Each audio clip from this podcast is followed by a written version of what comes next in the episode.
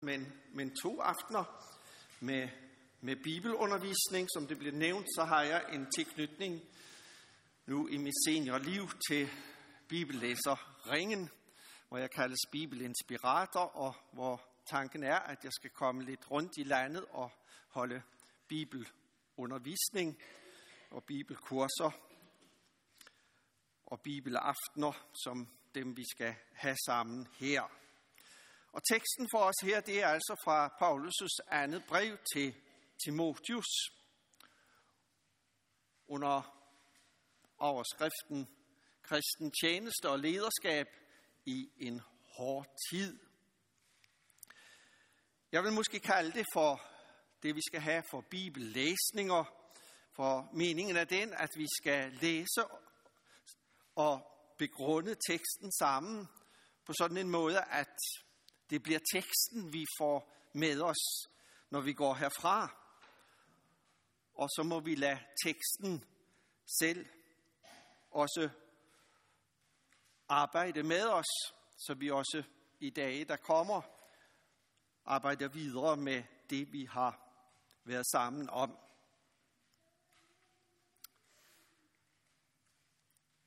Lad os prøve at foretage et tankeeksperiment.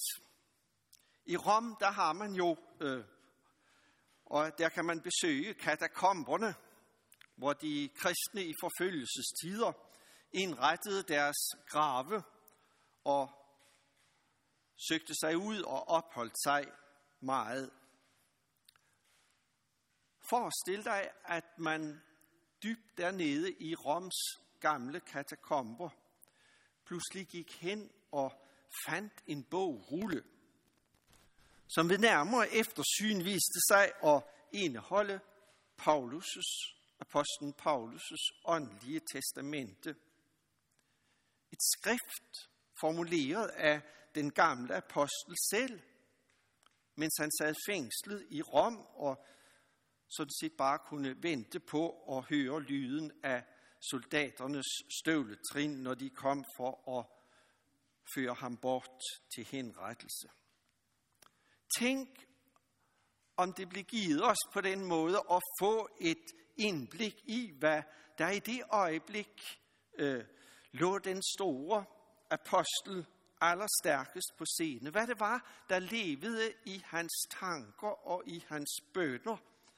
Og hvad han allermest brændte for at videregive til, til andre.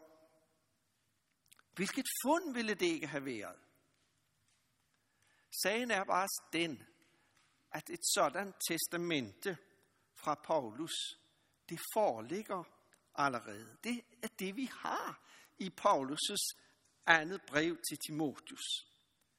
Det her brev, som Paulus skrev ganske kort tid før sin martyrdød, kan med rette betragtes som Paulus' åndelige testamente. Det er formet som et personligt brev til Timotius, som var en af dem, der havde fulgt Paulus og trofast havde stået ved hans side, mens, han, mens Paulus endnu rejste rundt som forkynder og apostel. Siden var der sket det, at Timotius var blevet leder for menigheden i Efesos. Og overfor den her trofaste medarbejder og ven, der lukker Paulus op for noget af det, der fylder hans sind og hans tanker i de sidste skæbnesvangre øjeblikke, hvor han må se sin snarlige martyrdød i øjnene. Og vi har i dag mulighed for at læse med i det brev. Læse med hen over skulderen på Timotius også i. Det er et fantastisk privilegium. Det er et spændende og meget indholdsrigt brev, vi her har for os. Det gælder altså det, det aller sidste skrift fra Paulus' hånd, affattet en gang i midten af 60'erne i det første århundrede efter Kristus. En stor del af Romeriet er på det her tidspunkt sat på den anden ende på grund af vidnesbyrd om, om Jesus, som også er nået til verdenshovedstaden Rom. Kejseren Nero er klar over, at man kan ikke bare ignorere disse kristne længere, som er dukket op mange steder i hans rige. Problemet med dem er i hans øjne ikke deres tro på Kristus i sig selv, men det er, at de konsekvent nægter at bøje sig for at tilbede kejseren som Gud. Hvad folk sådan ellers går og tror på, det er sådan set ikke noget, som kejseren vil blande sig i. Der er der stor tolerance og plads for alle mulige religioner og ideologier i Romeriet. Men kejserdyrkelsen kan der på ingen måde gives dispensation for at deltage i. Så ville Romeriet stå i fare for at simpelthen falde fra hinanden. Og da de kristne altså nægter at tage del i den, bliver de betragtet som en alvorlig trussel mod rigets sammenhold og stabilitet. En potentiel fare for romerrigets sammenbrud, sådan som kejser Nero og andre ser det. For de kristne, der er situationen simpelthen fartroende. Man er trængt fra alle sider. Udefra, der trues man af forfølgelse og død. Det er med livet som indsats, man nu bekender sin tro på Kristus. Og indadtil, ja, der trues menigheden af falsk læger, som vil splitte de kristne ad og dræbe al levende Guds tro. Som en pest, der vil brede sig på det åndelige livs bekostning. Og så taler vi jo i virkeligheden om noget, som er endnu alvorligere end den ydre trussel. En leder som Timotius var kaldet til at takle store problemer og vanskeligheder i menigheden i Efesos. Og det er jo ikke underligt, hvis han indimellem var ved at simpelthen opgive euroet. At det simpelthen bare kunne gå hen og blive for meget for ham. Jeg husker, jeg hørte et foredrag for en del år siden med overskriften Leaders are human too. Ledere er også mennesker. Og det er jo sandt.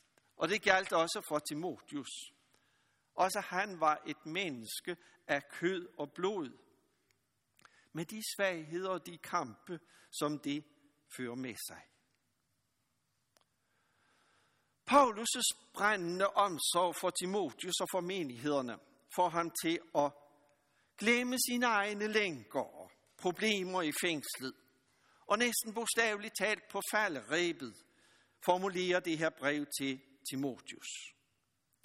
For der er noget, som piner og optager Paulus mere end alt det skidt og snavs og rotter og kakelakker og hvad der ellers måtte være af uhumskheder og problemer i et romersk fængsel på den tid.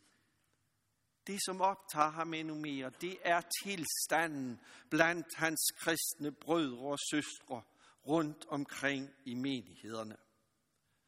Deres situation lægger Paulus allerstærkest på scene. Selv der har Paulus under sit fangenskab oplevet det utroligt tunge at blive ladt i stikken og blive, ladt, og blive forladt af kristne venner og medarbejdere, som han havde og mente, han kunne stole på. Og det var hårdt for ham. Og det skinner igennem flere gange i dette brev. Men det får ham ikke til at isolere sig i bitterhed. I stedet for så går hans tanker nu til Timotius, som han tidligere har fulgtes med i tygt og tyndt. Og han finder anledning til at rette en flammende appel til Timotius om, at han ikke må svigte nu, men at han må være tro og holde ud i troen og tjenesten, trods al modstand, trods alle fristelser til at ville opgive ævret. Timotius må være tro mod den tjeneste, han er kaldet til. Tro mod Paulus, men først og fremmest tro mod vor Herre Jesus Kristus selv, som har kaldet ham til tjeneste for sig. Så med det her personlige brev, der vil Paulus ansigt til ansigt med sin egen forestående død, ligesom række stafetten videre til Timotius, gennem at rette en flammende appel til ham. Skam dig ikke ved vidnesbyrd om Jesus. Vær med til at lide ondt for evangeliet, kapitel 1, vers 8. Vær stærk ved nåden i Kristus Jesus, kapitel 2, vers 1. Bliv ved det, du har lært og er blevet overbevist om, kapitel 3, vers 14. Prædik ordet, fuldfør din tjeneste, kapitel 4, vers 2 og 5. Paulus' testamente er fyldt med den slags stærke og indtrængende opfordringer og appeller, som samtidig er stærke opmuntringer til Timotius, om ikke at give op, om ikke at forlade skansen, om ikke at gå på kompromis, på, gå på kompromis med noget ondt, og lade sig overmande og påvirke af det, men vise troskab og satse alt i tjenesten for Jesus. I en såkaldt postmoderne tid som vores, hvor dyrkelsen af selvet og ens egen karriere og malighed er det, der ofte bliver sat i centrum, der har vi, vil jeg sige, ekstra god grund til at læse med i det her brev og overveje konsekvenserne for os selv og for vores menigheder i dag af Paulus' formaninger til Timotius. De er måske mere aktuelle end nogensinde før, vil jeg sige. Mere relevant at tage frem end nogensinde før i historien. Men lad os nu begynde at læse fra begyndelsen af, og teksterne de kommer altså op her øh, efterhånden. Og skulle jeg glemme at, at klikke frem, så må I lige øh, give mig et præg. Fra Paulus. Kristi Jesu apostel.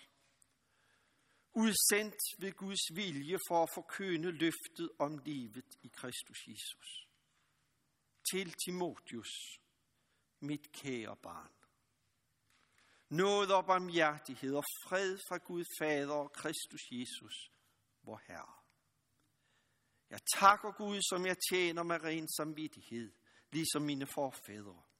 Og jeg nævner dig uophørligt i mine bønder, nat og dag. Jeg mindes dine tårer og længes efter at se dig, så jeg kan fylde sig glæde. Og jeg husker den oprigtige tro, som du havde, og som allerede din mormor Louis og din mor Evnike havde, og som jeg er vidst på, at du også har. Så Paulus han lægger ikke ud med, med det samme og formane Timotius. I stedet for så slår han en kærlig og faderlig tone an, når han tiltaler Timotius her som sit kære barn. Og han udtrykker sin stærke længsel efter om muligt at komme til at se Timotius endnu en gang.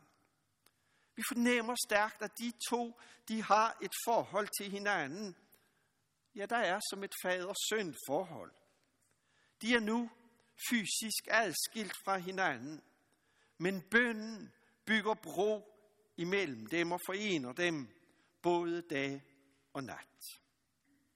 Sådan kan det kristne fællesskab også i dag leve og komme til udtryk, trods det, at man er fysisk adskilt.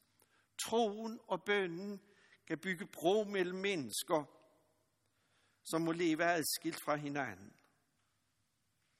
Og hvor må det altså have været opmuntrende for Timotius at få en sådan varm og kærlig hilsen fra Paulus. Som en forvisning om, at de er forenede i troen. trods den store geografiske afstand. At få den her hilsen, det må have vækket mange minder hos Timotius. Det har varmet hans sind. Der skal så lidt til for at opmuntre et andet menneske. En, som måske har det svært. Det bør vi også have i tanke i dag, og oftere gøre noget ved.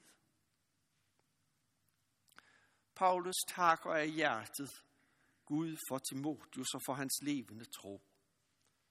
Vi kan den gamle apostel lære på den måde at takke Gud for hinanden. I stedet for, som det vist desværre ofte sker, at vi i tanker og ord besvæger os over hinandens særheder og svagheder. Men hvor milde meget dog kunne komme til at se anderledes ud, og komme til at fremstå i et helt anderledes lys i vores menigheder og vores kristne fællesskaber, hvis vi i stedet for kunne lære at takke Gud for hinanden. Vi kan jo altid som Paulus begynde med at takke Gud for hinandens tro, at vi har hjemme i den samme tro. Så lad os stoppe lidt op her og give plads for eftertanke. Hvordan kan vi praktisere og møde hinanden, sådan som Paulus her mødte Timotius, med varme og med opmuntrende ord, og bede for at støtte hinanden. Bønnen kan bygge bro mellem mennesker. Vi kan leve tæt sammen gennem at praktisere forbøn for hinanden, også når vi fysisk er adskilt. Først efter den her personlige hilsen og tak, ja, så er tiden inde for Paulus til at formane og opmuntre Timotius. Og han har tre gode, stærke formaninger at rette til Timotius her i kapitel 1. For det første, lad din nådegave flamme op. For det andet, skam dig ikke ved evangeliet ved vidnesbyrd om Jesus. Og for det tredje, pas godt på skatten, du har fået betroet. Vi skal læse, og vi skal begrunde disse formaninger en for en. Tre formaninger, som vi må tage til os og tage med os fra den her første time i dag til fortsat overvejelse og begrundelse. Hvad betyder de formaninger for os i vores dagligdag? Den første formaning er altså, lad din nådegave flamme op. Vi læser. Derfor påminner jeg dig om at lade den nådegave fra Gud, som du fik med min håndspålæggelse, flamme op. For Gud har ikke givet os en fejånd, men en ånd med kraft og kærlighed og besindighed. Når Paulus tænker på Timotius i Efesos, i den på mange måder kaotiske situation, som Timotius befinder sig i der som leder af menigheden, ja, så er det vigtigt for Paulus, at Timotius' nådegave kommer til rig udfoldelse i den sammenhæng, hvor Timotius nu befinder sig. Timotius har fået en udrustning fra Gud til tjeneste, til at møde tjenestens forskellige udfordringer. Det synes at fremgå af Paulus' breve, at, og af apostlenes gerninger, at Timotius har fået nådegave som evangelist og forkøner. Og Paulus forbinder det med hans indsættelse i tjenesten ved Paulus' håndspålæggelse. Hvor der er blevet bedt for Timotius om åndsudrustning for hans tjeneste.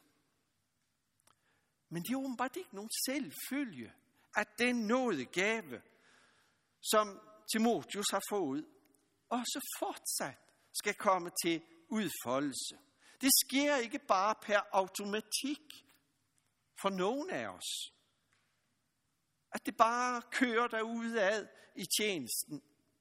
Og at vores nådegave på den måde bliver brugt optimalt. Timotheus han kunne let miste sin gejst og sin frimodighed og gemme sin nådegave langt væk af frygt for at skulle stå frem som evangelist og forkøner, som han havde fået nådegave til. Timotheus han måtte derfor formanes til at lade sin nådegave flamme op. Ordret så står der, puste liv i den. Det skulle ikke bare ligge som en svag glød på bålet, som ikke er i stand til at varme andre, som ingen kan have glæde og gavn af. Nej, han må i gang med blæsebælgen, så at sige. Så nådegaven, den kan flamme op og komme til udfoldelse og blive til velsignelse for andre rundt omkring ham. Jo, for der var hårdt brug for Timotius med de gaver, som netop han havde fået, der hvor han var sat. Ligesom der er hårdt brug for hver enkelt af os, der hvor vi er sat, i vores hverdag og sammenhæng, og med den nådegaveudrustning, som Gud har givet os hver især. Det er ikke ligegyldigt, om det faktisk sker, at vores nådegave kommer til udfoldelse. Så lad din nådegave flamme op. Frem med blæsebælgen. Det betyder, lad Guds ånd gennem Guds ord og gennem daglig omgang med Gud i bønnen blæse på dig. Så din nådegave, den kan flamme op og bringe velsignelse og varme og liv til andre.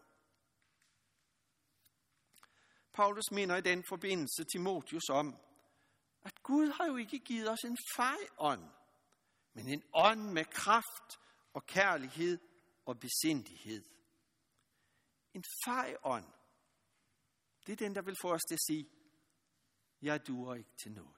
Jeg kan ingenting. Jeg betyder ingenting. Og jeg må derfor også hellere holde mig tilbage i al ubemærkethed. Det, bestemmer, det stemmer godt med den danske berømte jantelovsmentalitet. mentalitet. Men ikke med det, som vi er kaldet til som Jesu krop, som hans lemmer på jorden. For hvordan kan vi handle sådan med det, som Gud har betroet os og givet os ansvar for at forvalte? Det svarte ham i Jesu lignelse, I husker, som gik hen og gravede sin talent ned i jorden, i stedet for at sætte den i omløb. Det er udtryk for fejhed og får foragt for det, Gud har givet os. I stedet for så skulle vi, som Paulus formaner Timotius til, puste liv i det, i det vi har fået givet, og med glæde og taknemmelighed tage det i anvendelse. Gud til ære og mennesker til gavn, sådan som vi beder i bordbønnen. Dig, Gud, til ære, os til gavn. Det er også det, det handler om med vores nådegave. Ikke os til ære og Gud til gavn, men Gud til ære og andre mennesker til gavn. Så her igen noget at overveje. Bruger vi vores nådegave sådan som Gud vil det. Hvordan kan vi bedre puste liv i det, vi har fået betroet og givet, så det kan komme til anvendelse der, hvor vi er sat.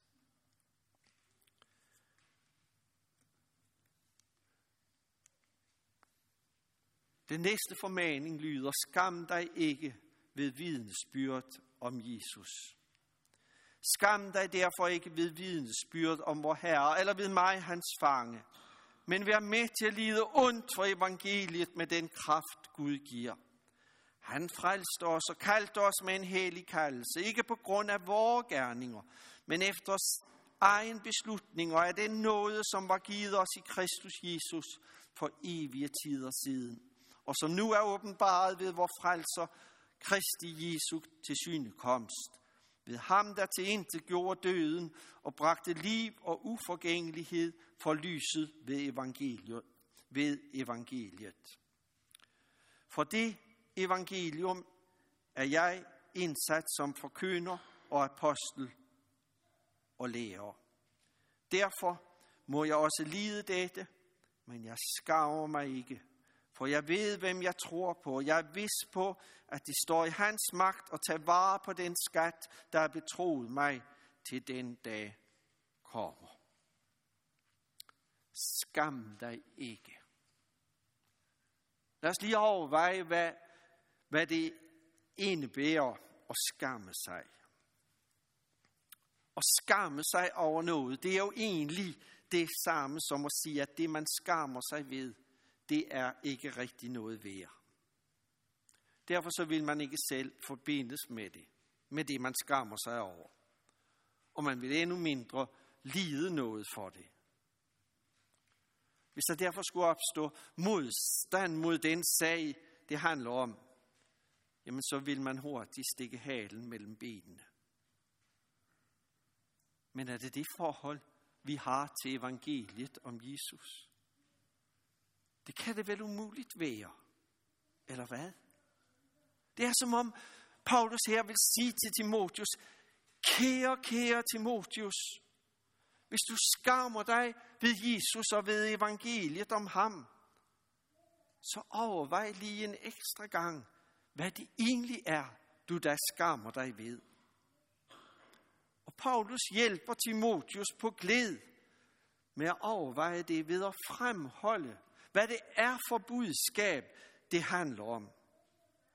Det gælder det evangelium, som ikke handler om, hvad vi mennesker selv skal tage os sammen til at få gjort for at opnå noget hos Gud. Men som handler om, hvad Gud selv har besluttet og gennem Jesus Kristus har gjort for os. Med den hensigt at vise os nåde og barmhjertighed. Det er budskabet om den evige nåde. At Gud besluttede fra tidernes begyndelse at møde os med nåde og barmhjertighed ved at give os sin egen elskede søn Jesus Kristus, som vores frelser fra synd og skyld.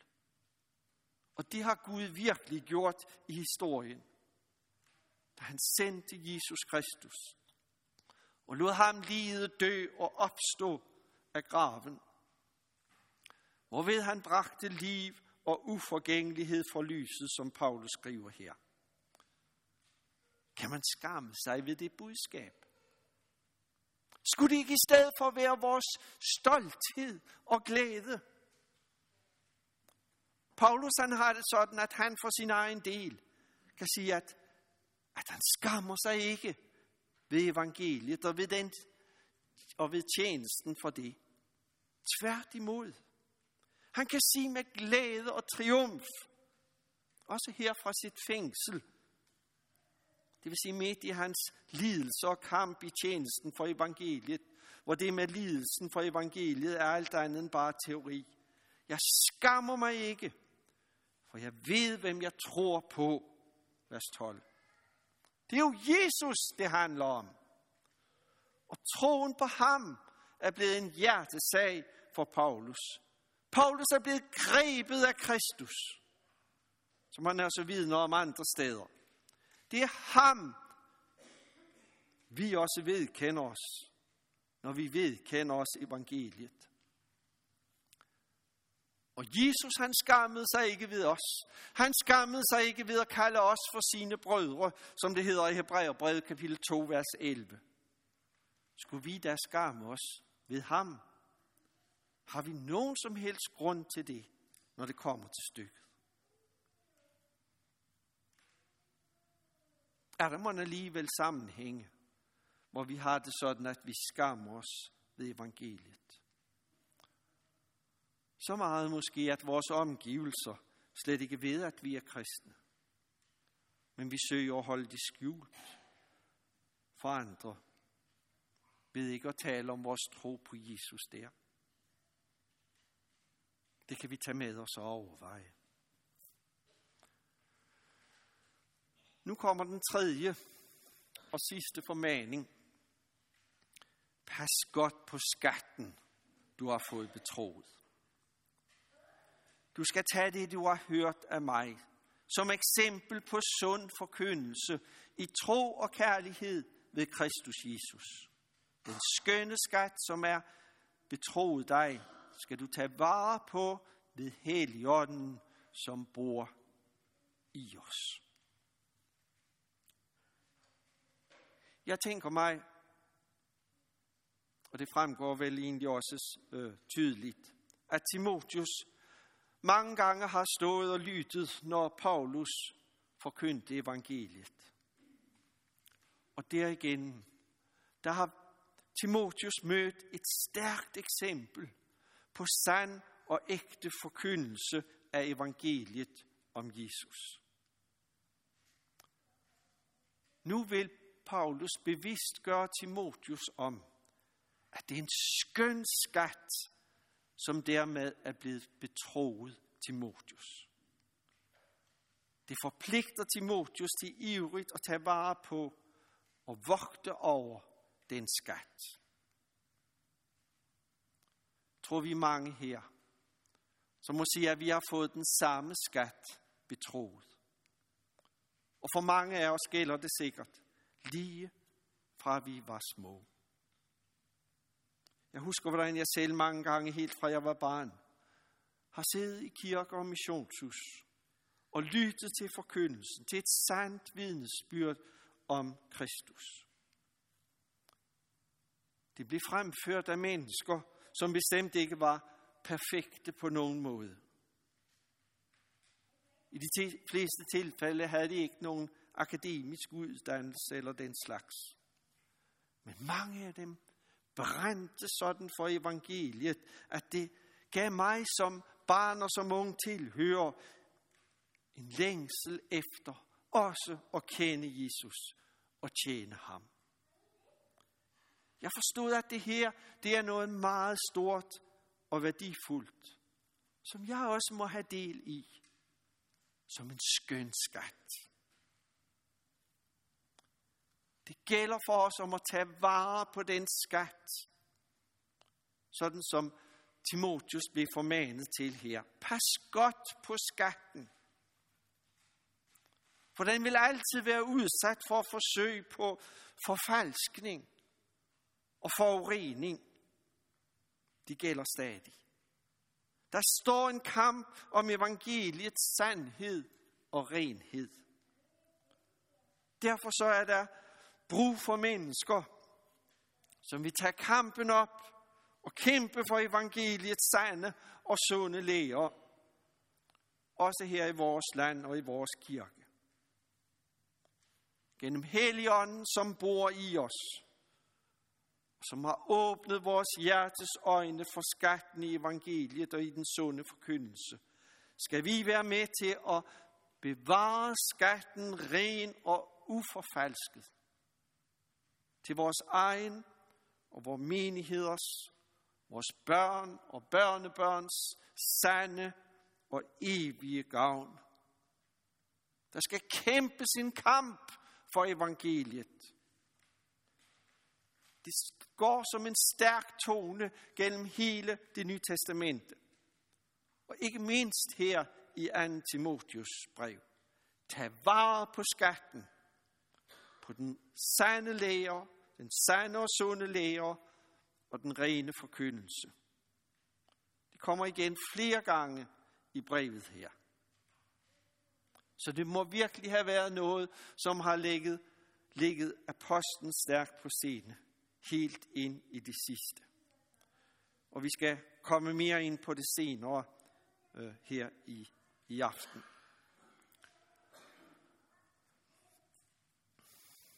Men lad os også understrege for hinanden, at det at tage vare på skatten i evangeliet, netop sker ved også at række denne skat videre til andre.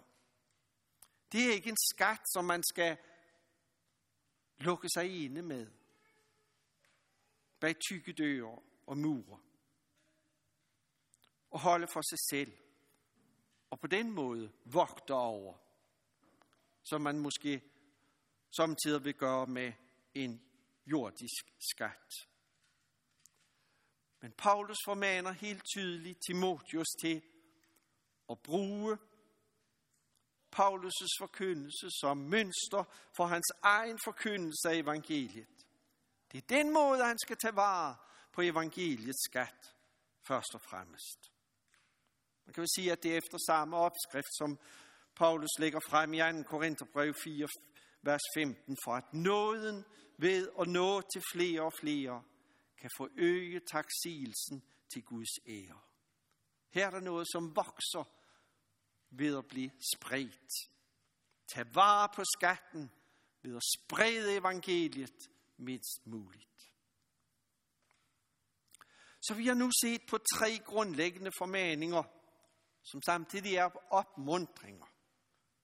Det er vigtigt at understrege. Det græske ord for formaning betyder også opmundring. Dem rækker Paulus til Timotius. For på den måde at, at anspore og opildne Timotius i hans vigtige tjeneste for evangeliet.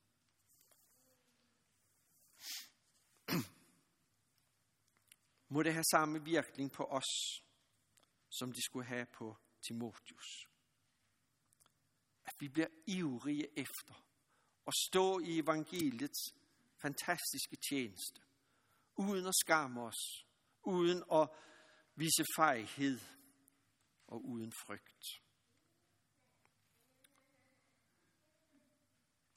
Som vi allerede har været inde på, så står Paulus i en situation, hvor han må konstatere, at langt de fleste har vendt sig fra ham nu hvor han selv er i fængsel for evangeliets skyld. Så langt, eller rettere kort, varede altså deres troskab mod evangeliet. Nemlig til vanskelighederne for alvor satte ind. Men Onesiforos nævnes af Paulus som en enkel undtagelse – og dermed som et, et lyspunkt i natten. Som du ved, har alle i provinsen Asien vendt sig fra mig. Blandt dem Fygelos og Hermogenes. Herren viser Onesiforos' hus barmhjertighed. Han har tit givet mig nyt mod, og har ikke skammet sig ved mine lænker. Tværtimod, da han kom til Rom, søgte han ivrigt efter mig og fandt mig. Herren giv ham og finde barmhjertighed hos Gud på den dag. Og til hvor stor hjælp han var i Efesos, ved du bedst selv. Her er en, Onesiforos, som ikke har ved tilbage fra at vedkende sig Paulus og komme på fængselsbesøg hos ham hvilket viste, at Onesiforos ikke, netop ikke skammede sig ved evangeliet ved Kristus. Timotius og vi opfordres til heller ikke at skamme os ved evangeliets sunde forkyndelse. Og vedkende os de forkyndere, som forkynder ordet i ånd og sandhed til frelse og troens bevarelse til evigt liv. Om vi virkelig også gør det, det vil for alvor vise sig, når modstand og måske lige frem forfølgelse for evangeliets skyld for alvor sætter ind. Hvad bliver der da af vores troskab? Det er ikke nogen selvfølge, at vi bliver bevaret og bliver på den vej, som vi har slået ind på. Vi har set mange eksempler også i vores egen tid på mennesker, som, som bare var med for en tid. Men når det blev tungt og besværligt, og der skulle siges fra over for noget og kæmpe sin kamp for evangeliet og Guds ord sandhed, ja, så faldt man for fristelsen til at følge en anden vej finde en anden sammenhæng at stå i, end der, hvor Guds ord søges holdt i ære og blive fuldt. Så lad os tage det med os fra vores gennemgang her, kapitel 1. At det altså ikke var en selvfølge for Paulus, at Timotius, som havde stået ham så nær i evangeliets tjeneste, at han også blev stående i kampen for evangeliet. At han fortsat opflammede sin nådegave. At han ikke skammede sig ved evangeliet. Og at han fortsat passede godt på evangeliet som en skøn skat, der var betroet ham. Det var ikke nogen selvfølge for Paulus, at Timotius fortsatte med at følge den vej. Det er heller ikke nogen selvfølge for nogen af os. Vi må formanes og dermed opmuntres til det. Men vi må først og fremmest fordybe os sådan i evangeliet, at vi forstår, at dette er så fantastisk, at det kan vi ikke, og det må vi ikke kaste vrag på. For hvordan skulle vi kunne gøre det, når det er så rigt, og det er så stort? Lad os bede. Jeg var kære Herre Jesus Kristus, vi takker dig for, at du agtede os for tro og tog os i din tjeneste. At vi får lov til at stå i tjenesten for evangeliet. Også ind i vores tid og i vores sammenhæng. Og her nu beder vi om, at du vil give os at være tro imod den, i det mod det kald, som du har givet os. At vi må opflamme den nådegave, som du har givet os at forvalte. At vi ikke må skamme os ved evangeliet, og at vi må vogte på den skat, passe godt på den skat, som er betroet os i evangeliet. Her jeg beder om, at evangeliet, det må være så stort for vort hjerte, at vi ikke kan andet end at tage det til os selv og også sprede det til andre. Amen.